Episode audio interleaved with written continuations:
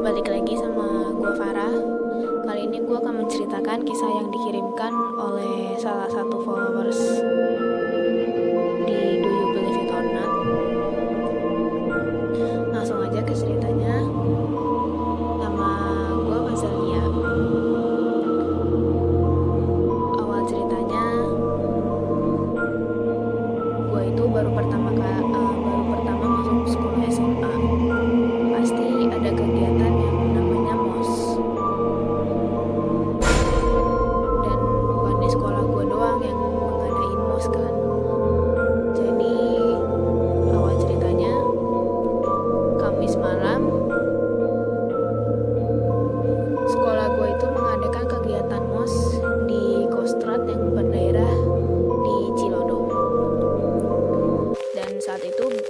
semua berangkat rame-rame dan semuanya mahasiswa baru.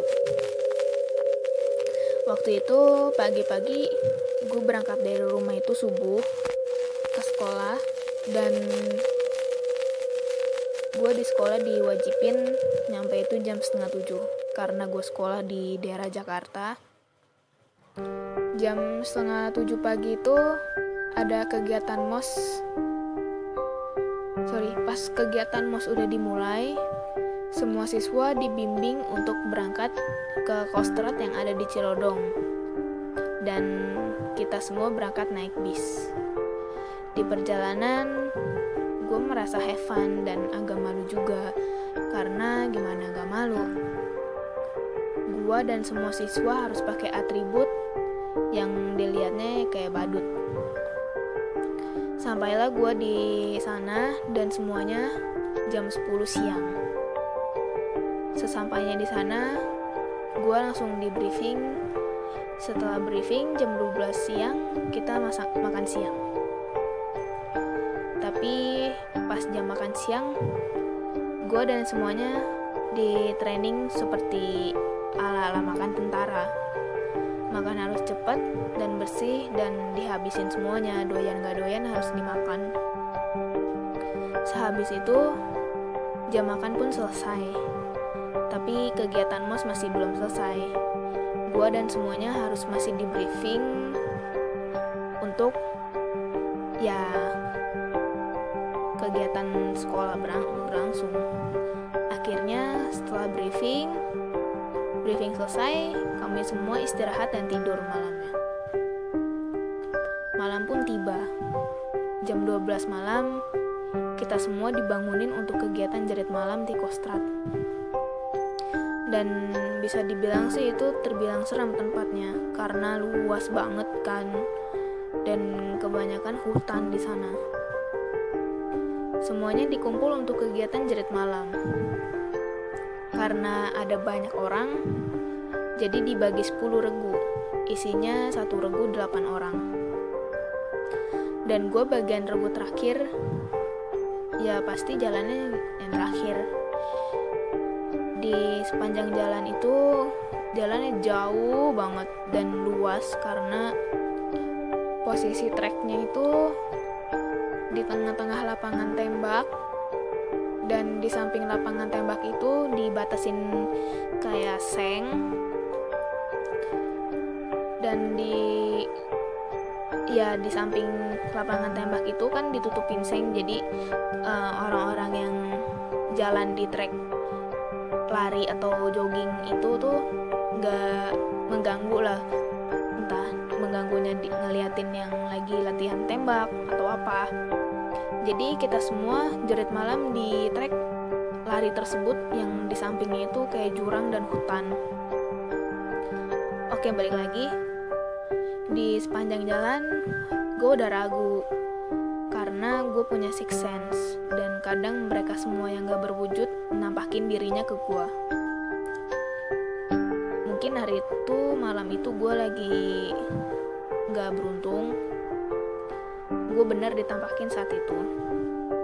Sebelum kegiatan jerit malam, kita semua dikasih kayak selembar kertas dan isinya itu kayak sebuah misi. Dan karena gue ragu paling akhir, jadi mau gak mau jalan paling terakhir. Sepanjang jalan trek tersebut itu gelap dan minim penerangan. dan di setiap pos dikasih kayak uji nyali mungkin maksudnya ya biar kita berani kali ya dan nggak takut kayak gitu-gituan awalnya ya nggak ada apa-apa sampai pada akhirnya di trek jalan di samping lapangan tembak itu gue ditampakin sosok wujud. Jadi di trek lari tersebut itu kayak bercabang gitu. Ada yang ke kanan sama yang ke kiri tapi keluar-keluarnya itu sama. Gue ditampakin sosok wujud nenek-nenek yang berdiri di tengah-tengah perduaan itu. Dan si nenek-nenek itu cuman diam aja berdiri pikir mungkin tentara yang jaga. Jadi gue ya masih berpikiran positif kan. Dan gak lama lagi gue sampai di pos kedua yang ada kayak uji nyali tapi kuburan bohongan keranda dan isinya pocong bohongan. Sialnya lagi gue diliatin sosok pocong beneran berdiri di belakang pos tersebut. Dan itu beneran mukanya gue liat hitam banget dan ancur dan mukanya itu dan sosoknya itu kayak berasap. Dan ya kayak takannya ya apa ya kayak noda tanah gitu coklat. Akhirnya gue tanya ke temen gue lu lihat gak tadi pocong pocong di mana? Kakak gue jawab. Itu di belakang pos. Enggak gue ngeliat gue ngeliat cuman yang di dalam keranda doang yang bohongan. Kak, uh, dan gue pun bingung itu siapa? Dan gue masih berpikiran positif oh mungkin tentaranya yang jaga kan? Pada akhirnya kegiatan jerit malam pun selesai dan semua dicek satu-satu ada apa enggak. Dan alhamdulillahnya nggak ada yang kenapa-napa dan nggak ada yang kesasar. Selesai gue tanya ke tentaranya. Pak maaf saya mau nanya tadi yang di pos kedua itu ada yang jaga nggak pak tentara? Uh, tapi tentaranya itu kayak pocong pak. Mukanya hitam. Dan tentaranya pun jawab kita nggak ada yang jaga di nggak ada yang jaga di sana.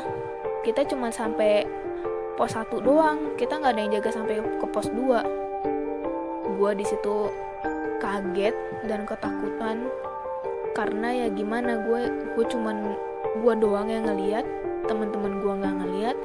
Dan yang gue tanya tentaranya langsung dia jawab kita nggak jaga di pos 2 kita cuma jaga di pos 1 di situ gue cuma bisa baca doa dan ya gue cuma bisa diem aja karena ya gue takut diikutin juga. Karena yang gue tahu kan setiap ditampakin sosok itu pasti ada aja yang sakit. Dan akhirnya selesai selesai kegiatan tersebut kita semua pulang dan sampai rumah pun alhamdulillahnya gue nggak diikutin. Oke mungkin sampai sini aja. Gue bacain ceritanya dari Fazalia.